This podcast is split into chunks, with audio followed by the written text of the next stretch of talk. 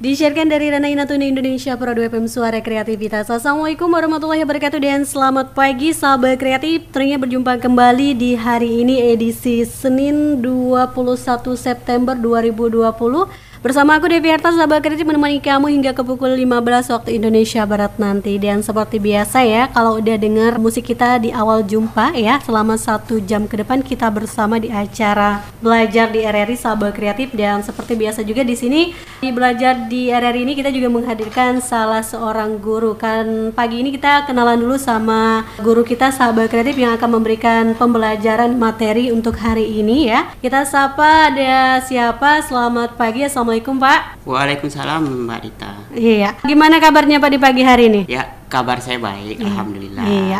Iya kita kenalan dulu nih sama Bapak siapa dan saat ini Bapak uh, ngajarnya di mana? Oke, baiklah saya akan memperkenalkan diri. Nama saya Muhammad Nasrun, SSI, guru bidang studi fisika di SMA Negeri 2 Bunguran Timur. Iya, nah sahabat kreatif ya. Pagi ini kita kedatangan Bapak guru dari SMA Negeri 2 Bunguran Timur ya. Dan beliau saat ini memegang mata pelajaran fisika. Iya. Nah, oh. ternyata untuk sahabat kreatif kreatif ya. Nanti untuk siswa-siswi juga yang ingin bertanya terkait materi kita di pagi hari ini sahabat kreatif ya. Materi pembahasan kita apa nih Pak pagi ini Pak? Jadi kita akan membahas masalah gerak benda pada lintasan lurus Mbak. Iya. Nah, materinya untuk untuk kelas 10 iya. di semester 1. Oke. Nah, ini untuk awal ya kelas 10 di semester 1 kita akan membahas gerak benda pada lintasan lurus pada pelajaran fisika di hari ini. Kita langsung aja ke Pak Muhammad ya untuk menjelaskan materinya pagi ini silakan Pak. Oke, terima kasih Mbak. Kami ucapkan terima kasih yang sebesar-besarnya kepada RRI Pro 2 Ranai yang telah memberikan kesempatan kepada kami untuk menyampaikan materi pembelajaran khususnya bidang studi fisika. Selamat pagi menjelang siang siswa-siswi terkhususnya SMA 2 Negeri Bungaran Timur di mana pun kalian berada. Materi kita pada pagi ini adalah gerak benda pada lintasan lurus. Yang pertama pertama gerak lurus dan gerak vertikal. Pembahasan kita pada pagi ini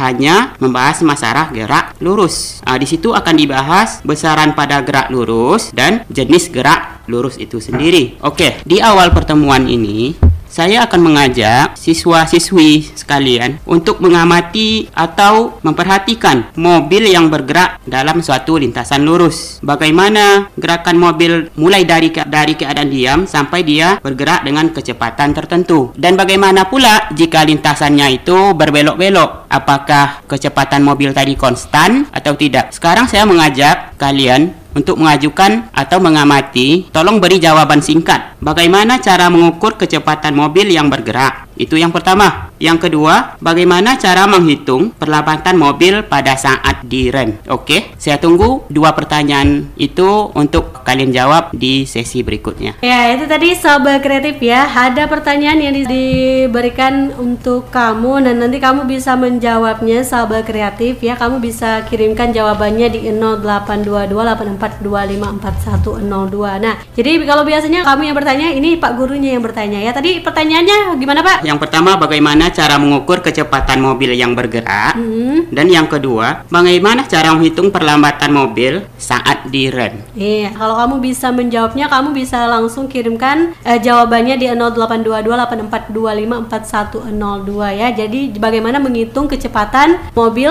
di saat lintasan dan bagaimana menghitung perlambatan mobil iya. saat direm. Nah, saat direm ya. Jadi sahabat ketip silakan saja. Selamat datang di tatanan kehidupan baru kita saat ini dihadapkan pada ketidakpastian, tidak pasti kapan corona akan berakhir. Banyak ketidakpastian yang harus kita hadapi. Di satu sisi, virus corona juga telah merubah banyak hal di kehidupan kita tanpa kita sadari. Jika Anda ingin tetap bisa bertahan dan selamat dari pandemi ini, sebaiknya persiapkan diri Anda untuk beradaptasi dan menjalankan tatanan kehidupan baru. Dalam prediksi tatanan kehidupan baru, kesehatan dan kebersihan menjadi komoditas nomor satu. Ketakutan orang-orang akan terserang virus membuat semua orang kini semakin ketat menjaga kesehatan dan kebersihan jika kita keluar rumah.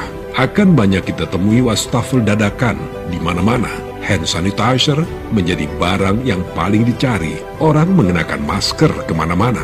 Selalu menjaga jarak saat melakukan kegiatan dan tidak berkerumun dan tidak melakukan kontak fisik meski itu hanya sekedar bersalaman. Vitamin dan jamu menjadi barang yang banyak dikonsumsi selain makanan pokok. Sebelum bepergian, orang akan dicek dulu suhu tubuhnya dan tidak akan diizinkan melanjutkan perjalanan jika terindikasi tidak sehat dan akan selalu dilakukan cek suhu tubuh ketika berkegiatan sosial seperti di mall, rumah makan, atau di mana saja. Tidak menutup kemungkinan ke depan orang akan diwajibkan membawa dokumen kesehatan pribadi saat bepergian atau bisa jadi sistem pelacakan kesehatan di bandara dan terminal transportasi umum lainnya akan menjadi lebih praktis dan mudah. Nah, selamat datang di tatanan kehidupan baru. Hashtag Indonesia Tatanan Kehidupan Baru. Kita masih bersama Bapak Muhammad Nasrun SSI ya Pak ya. Dan Ah, iya. tadi kalau di sekolah itu lebih akrabnya Pak Nasrun. Iya, Pak Nasrun, iya. Oke, kita masih membahas tentang gerak benda pada lintasan lurus pada pelajaran fisika untuk materi kelas 10 ya sahabat kreatif ya. Nah, jadi tadi juga udah ada dua pertanyaan yang diberikan sama Bapak Nasrun untuk kamu. Jawabannya dulu ya Pak ya karena udah Iya. banyak banget yang respon lewat WA tentunya dan kita coba sapa untuk jawaban yang pertama ini ada dari oke dari Sopi Assalamualaikum Kak. Waalaikumsalam. Eh, Sopi kelas 10 dari SMA 2 ya Natuna katanya. Oke. Akan menjawab pertanyaan dari Bapak Nasrun bagaimana mengukur kecepatan mobil yang bergerak? Jawabannya adalah mengukur kecepatan rata-rata kendaraan bermotor kita dapat dilakukan dengan rumus fisika kinematika yaitu dengan mengukur perubahan kedudukan benda setiap satuan waktu. Sedangkan untuk menentukan nilai kecepatannya adalah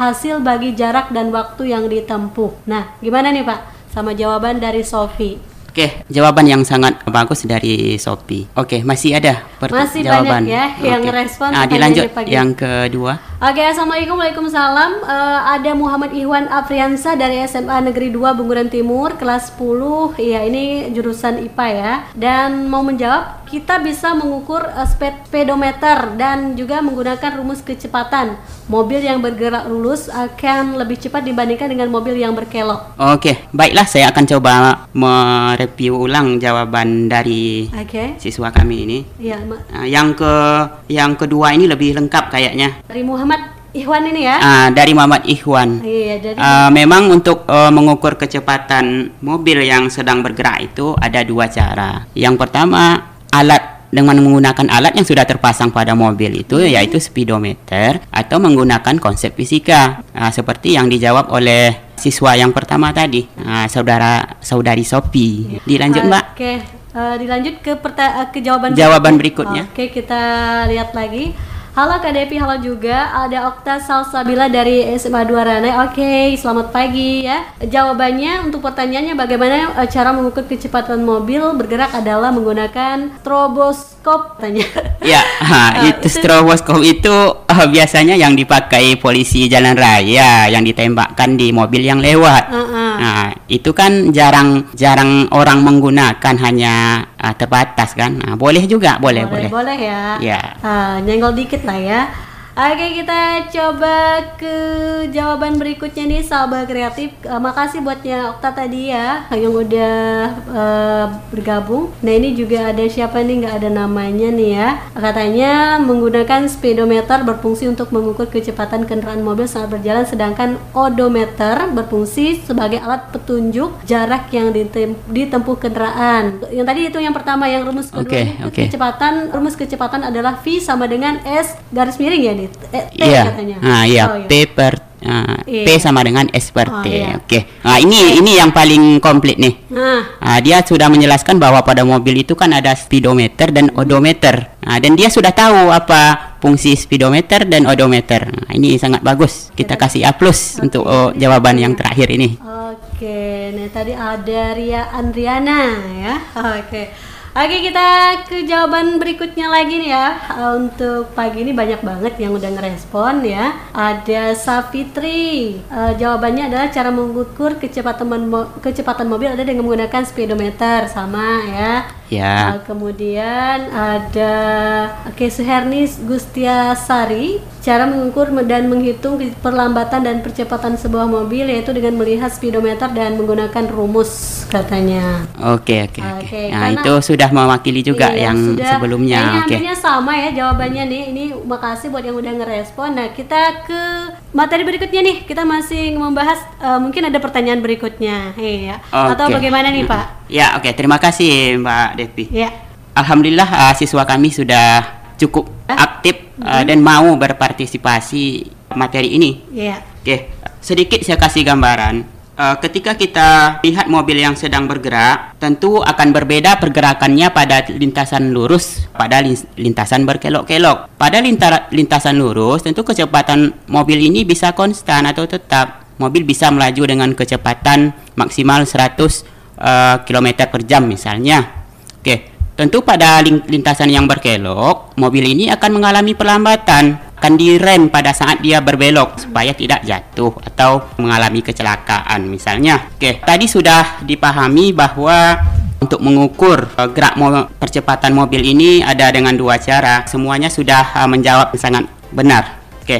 Saya lanjut dengan materi hari ini bahwa gerak lurus ini merupakan atau termasuk kepada bagian fisika mekanika. Uh, karena ilmu fisika itu terbagi ke dalam beberapa bagian. Khususnya di Indonesia ini kita mengenali ada delapan. Yang pertama itu ada mekanika, yang kedua ada me mekanika fluida, yang ketiga ada mekanika kuantum, yang keempat ada elektronika, berikutnya termodinamika, ada optik geometri, ada astronomi, dan ada fisika medis. Hari ini kita cukup membahas cabang dari mekanikanya yaitu ilmu yang mempelajari gerak pada benda tanpa menghiraukan penyebabnya. Oke, kita hanya melihat benda itu sudah bergerak. Kita tidak mengkaji kenapa mobil tadi bergerak. Belum sampai ke situ. Yang pertama kita masuk ke gerak lurus. Perhatikan kembali tentang mobil yang bergerak pada lintasan lurus yang saya contohkan di awal tadi. Mobil yang bergerak mempunyai hubungan erat dengan gerak sebenda. Sebelum mengenal gerak lurus, terlebih dahulu perlu diperkenalkan komponen yang terkait.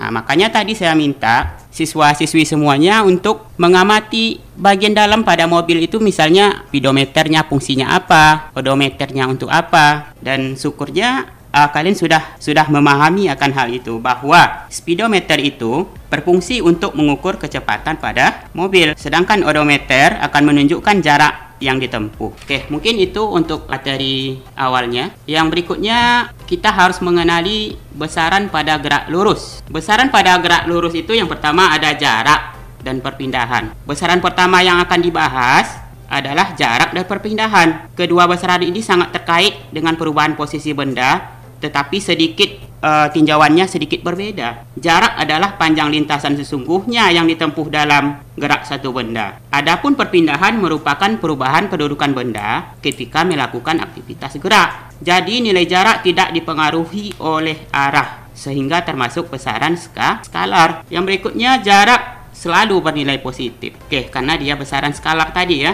Oke, yang kedua, perpindahan itu dipengaruhi oleh arah sehingga dia termasuk ke dalam besaran vektor. Oleh karena itu, perpindahan dapat bernilai positif atau bernilai negatif. Kita saya ilustrasikan sebuah contoh misalnya. Kita melakukan pergerakan. Misalkan Anda uh, posisi Anda sekarang berada uh, di depan puskesmas Ranai misalnya. Dan pada saat itu Anda ingin pergi ke pasar, ke pasar Ranai misalnya ya. Ada dua lintasan yang yang bisa kita tempuh. Yang pertama misalkan kalian menuju arah ke pom bensin itu dulu, lanjut tembus ke SMP 1 sampai ke Pantai Kencana dan ke, uh, dan melaju ke pasar. Nah, itu akan membentuk lintasannya kan melengkung itu. Yang kedua, bisa langsung dari puskesmas Ranai lurus mengikuti tembak lurus arahnya ke pasar. Jadi di sini ada terjadi bisa kita saksikan ada dua besaran di sana. Yang pertama ada jarak dan perpindahan. Gerakan Anda tadi yang pertama dari Puskesmas Ranai ini menuju ke pom bensin seterusnya ke SMP dan ke pasar itu dinamakan jarak. Jadi untuk menghitungnya yang kedua jika kita ingin menghitung perpindahan, bisa langsung mengambil garis lurus antara puskesmas Ranai uh, sampai ke pasar. Oke, jadi pergerakannya yang berbeda, yang satu itu besaran skalar tanpa dipengaruhi arah, yang kedua besaran vektor yang sudah memiliki arah. Oke, demikian Mbak Devi. Ya, itu tadi sahabat kreatif ya penjelasan dari gerak benda uh, pada lintasan ya lurus. Jadi ada beberapa contoh juga yang sudah disampaikan oleh Bapak Nasrun sahabat kreatif terkait gerak benda pada lintasan lurus ini. Nah, kita masih akan membahasnya sahabat kreatif ya. Ataupun seputar penjelasannya tadi kamu punya pertanyaan ya, ada yang uh, kurang dipahami ataupun ada yang ingin ditanyakan. Nah, silakan saja kirimkan pertanyaannya di 08228425 4102. Aku masih ingat Beranikan diri menyapa percakapan singkat Bermodalkan topik cuaca Dan sebuah hari yang biasa saja Berubah menjadi istimewa.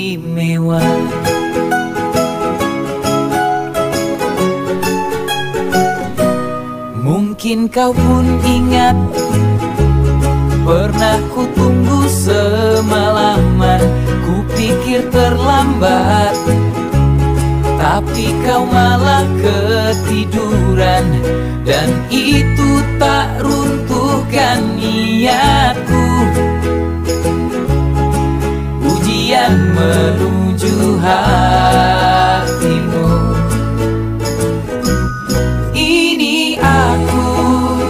Yang tak menyerah. Meski tak mudah menaklukkan hatimu. Biar waktu beri jawaban terindah Upaya sudah maksimal Gagal pun tak jadi soal. Yang penting kau tahu Aku tak pernah ragu memilihmu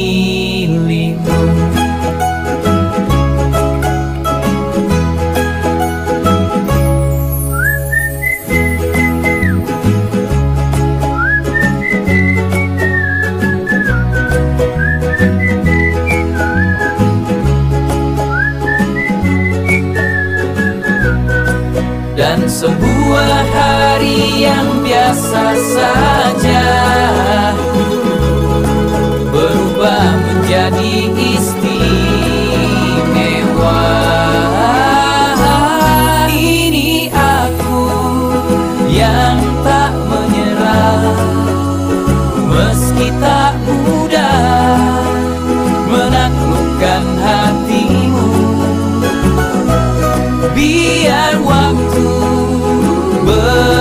jawaban terindah. Upaya sudah maksimal Gagal pun tak jadi soal. Yang penting kau tahu Aku tak pernah ragu memilihmu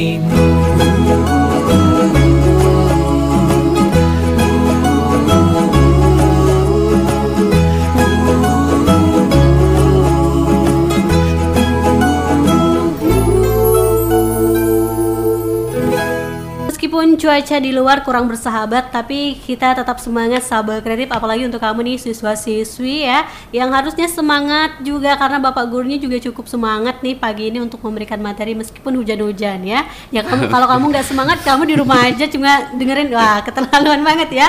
Akhirnya sahabat kreatif tadi juga udah disampaikan dan kita masih membahas tentang gerak benda pada lintasan lurus dan di, uh, di mata pelajaran fisika. Oke, kita lanjut Pak Nasrun untuk materi kita pagi ini. Oke, terima kasih uh, Mbak Devi. Ya. Uh, tadi kita sudah membahas masalah jarak yang merupakan besaran skalar dan perpindahan merupakan besaran vektor. Setelah itu kita mengenali bahwa nilai perpindahan itu bisa negatif, bisa positif. Sementara jarak itu nilainya positif karena dia besaran skalar. Sementara perpindahan, saya ulangi, perpindahan itu adalah besaran vektor. Dia bisa bernilai positif, bisa bernilai negatif. Jadi kapan dia uh, bernilai negatif atau positifnya? Nah, mungkin bisa, misalkan contohnya begini, seorang anak misalnya kita anggaplah dia seorang pemain bola berada di sebuah stadion atau lapangan bola misalnya. Dia berada pada gawang bagian timur misalnya. Kemudian dia berlari mengikuti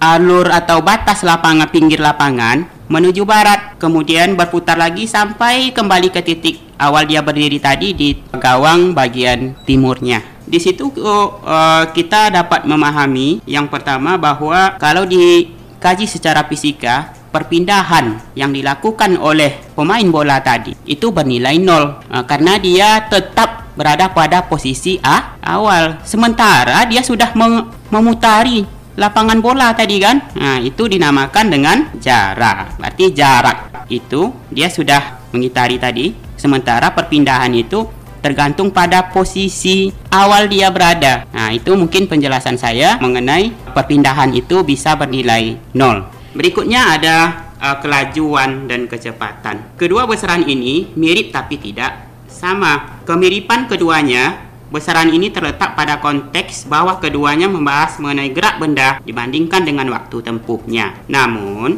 keduanya berbeda karena kelajuan melibatkan besaran jarak dan waktu, sedangkan kecepatan melibatkan besaran perpindahan dan waktu. Dengan sebab inilah kelajuan merupakan besaran skalar, sedangkan kecepatan merupakan besaran vektor. Kelajuan tidak memperhatikan arah gerak bendanya, sedangkan kecepatan memper, memperhatikan arah gerak benda. Bisa dikatakan bahwa kecepatan adalah kelajuan yang memiliki ah, arah. Oke, benda yang bergerak tidak selalu memiliki kelajuan yang sama. Nah, sehingga ini uh, ada percobaan di fisika itu menggunakan kertas tiker timer atau penghitung waktu untuk menentukan apakah kelajuan ini di setiap titik itu bisa sama atau tidak. Oke, mungkin percobaan ini bisa kita lakukan di sekolah. Mungkin contoh lainnya begini. Saat sebuah mobil bergerak dari kota P ke kota jika kota P dan Q ditarik garis lurus, kedua kota itu terpisah sejauh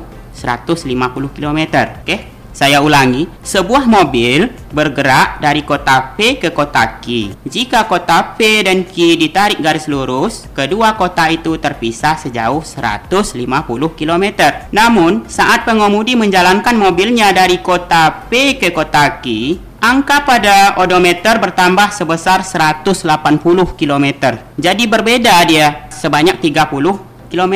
Hal ini karena mobil tidak terus-menerus menempuh lintasan lurus. Mobil juga berbelok, mengalami tanjakan, mengalami penur jalan turun. Nah, dari dari dua keadaan ini muncullah pengertian kelajuan rata-rata dan kecepatan rata-rata. Kelajuan rata-rata itu didefinisikan sebagai hasil bagi jarak total yang ditempuh dengan waktu tempuh. Sehingga dalam bentuk rumus dikenal dengan V sama dengan S per T. Oke. Di situ dijelaskan bahwa kecepatan rata-rata itu adalah hasil bagi antara perpindahan dengan selang waktu. Oke, sementara kecepatan rata-rata bisa ditulis dengan V dot atau tanda panah atas sama dengan delta S per delta T atau kita jabarkan perubahan jarak terhadap perubahan waktu. Oke, mungkin uh, itu yang dapat kami jelaskan dulu. Kita kembalikan ke Mbak Devi. Ya, itu tadi sahabat kreatif ya penjelasan dari gerak benda pada lintasan lurus yang dijelaskan oleh Pak Nasrun. Nah, ini nanti juga Sepertinya udah ada banyak pertanyaan nih Pak ya. Kita bakal okay. bacakan pertanyaannya setelah kita dengarkan yang satu ini dan jan nanti sahabat kreatif jangan ke mana-mana. Pertanyaan kamu bakal aku bacain ya. Nanti juga bakal dijawab sama Pak Nastrun setelah kita dengarkan yang berikut ini. Tetap stay tune. Pernah aku jatuh hati padamu sepenuh hati. Hidup pun akan ku beri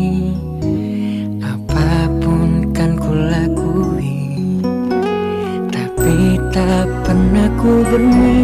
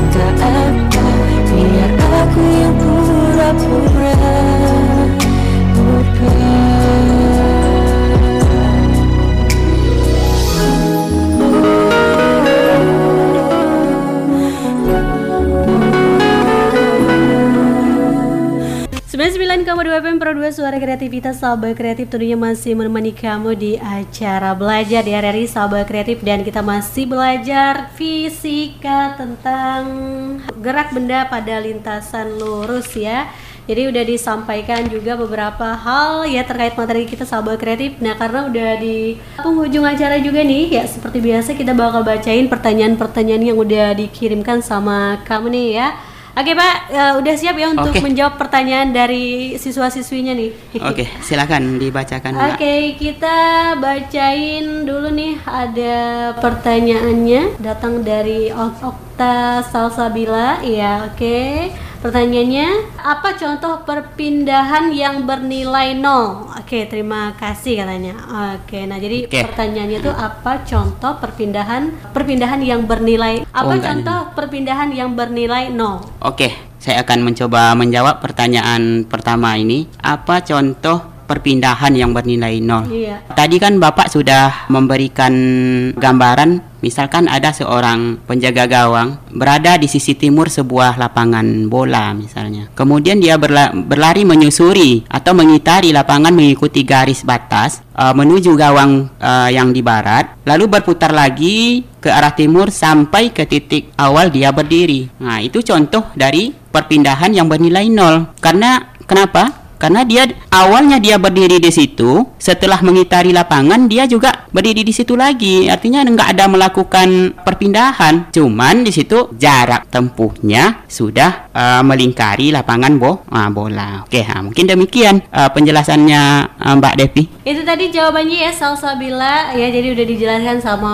bapak gurunya nih. Nah ini juga ada yang bertanya ya. Pertanyaannya hampir sama ada Adit Adiosa ya. Halo Mbak Devi halo juga. Buat kamu sehat selalu amin ya makasih. Katanya kenapa perpindahan ke arah kanan itu bernilai positif Oke, terima kasih pertanyaan yang uh, sangat bagus. Di matematika itu kita mengetahui ada dua koordinat, ada x, ada y kan? Oke, pada sumbu x, pada bagian ki- kirinya itu angkanya bernilai negatif dan kanannya bernilai positif. Kita acuannya ke situ saja. Artinya ya jika bendanya bergerak ke kanan ya berarti dia bernilai posi positif mengikuti alur koordinat kartesian. Oke, nah begitu Devi. Oke itu tadi buatnya Adit ya udah dijawab juga sama bapaknya ya kenapa uh, kalau positif kanan itu hasilnya positif ya kembali ke pertanyaan berikutnya Sofi ya halo Kak Devi halo juga buatnya Sofi pertanyaannya alat apa alat yang digunakan untuk mengukur kelajuan suatu benda Di awal tadi kalian kan sudah menga- mengamati bahwa kelajuan pada mobil itu menggunakan speedometer kan. hmm. Jadi ya kalau ditanya alat ya speedometer, tadi. speedometer ya mungkin bu- kurang menyimaki ya Pak ya Oke. kita beralih ke pertanyaan berikutnya nih. Halo Kak Devi. Halo kembali. Ada ini nggak ada namanya ya. Pertanyaannya gini. Misalnya pada mobil yang sedang bergerak atau melaju di jalan raya percepatannya tidak konstan. Itu termasuk GLB atau GLBB wah ini ada singkatannya ya. Mungkin Bapak oke. tahu ya Pak ya? Ah. oke. Eh, pembahasan GLB atau gerak lurus beraturan dengan gerak lurus berubah beraturan itu akan kita bahas pada pertemuan minggu depan sebenarnya. Tapi Oke. eh, oke karena sudah bertanya bahwa jika kecepatannya itu berubah-ubah itu termasuk ke dalam gerak lurus beraturan atau gerak lurus berubah beraturan. Jelasnya adalah GLBB. Oke, mungkin demikian. Untuk Oke. lebih jelasnya nanti ya itu kita buktikan lewat praktek. Nah, mungkin kalau ada tatap muka kita melakukan uji atau percobaan di sekolah. Oke, nah itu tadi pertanyaan dari Suherni Gustiasariki ya. Oke, makasih buatnya Suherni ya. Pertanyaan berikutnya datang dari Frita Olivia. Mau bertanya kenapa pada gerak lurus beraturan itu kelajuannya tetap? Oke, eh, seperti yang Bapak bilang tadi, ini akan kita bahas pada pertemuan minggu depan.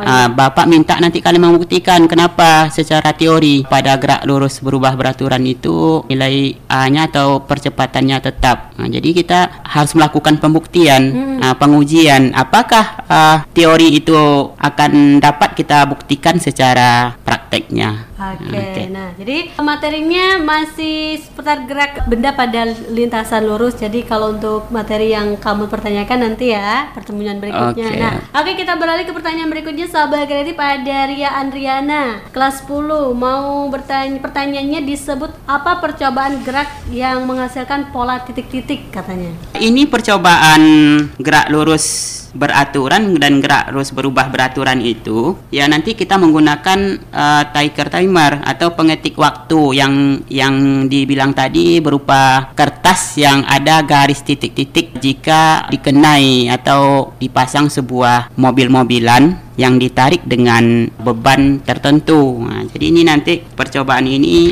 ya dikenal dengan nama percobaan GLBB gitu. Oke, nah Iya. mungkin demikian eh, Mbak Devi. Oke, nah karena ini juga udah di penghujung acara nih sahabat kreatif ini bisa jadi pertanyaan terakhir ya yang bi- bisa aku bacain ya sahabat kreatif untuk kamu dan pertanyaan terakhir ini ada Del Wan Deli Kurniawati. Nah pertanyaannya jika sebuah mobil dikendarai lalu diarah diarahkan ke jalan dengan kecepatan yang sama, nah satu jalan yang datar, dua jalan yang bertebing. Bagaimana kecepatan mobil saat di jalan yang datar dan di jalan yang lurus? Oke, eh, ini tadi di awal jumpa kita eh, sama, cuman Bapak mencontohkan tadi yang pertama lintasannya berupa garis lurus, yang kedua eh, berkelok-kelok kan. Nah, kalau ini mobil menggunakan kecepatan yang sama, misalkan di angka 180 km per jam misalnya, ya pada lintasan lurus tentu kecepatan ini akan menjadi konstan atau tetap. Tetapi pada uh, lintasan yang mendaki kan membutuhkan tenaga yang lebih jika kita pasang dengan kecepatan yang sama atau 180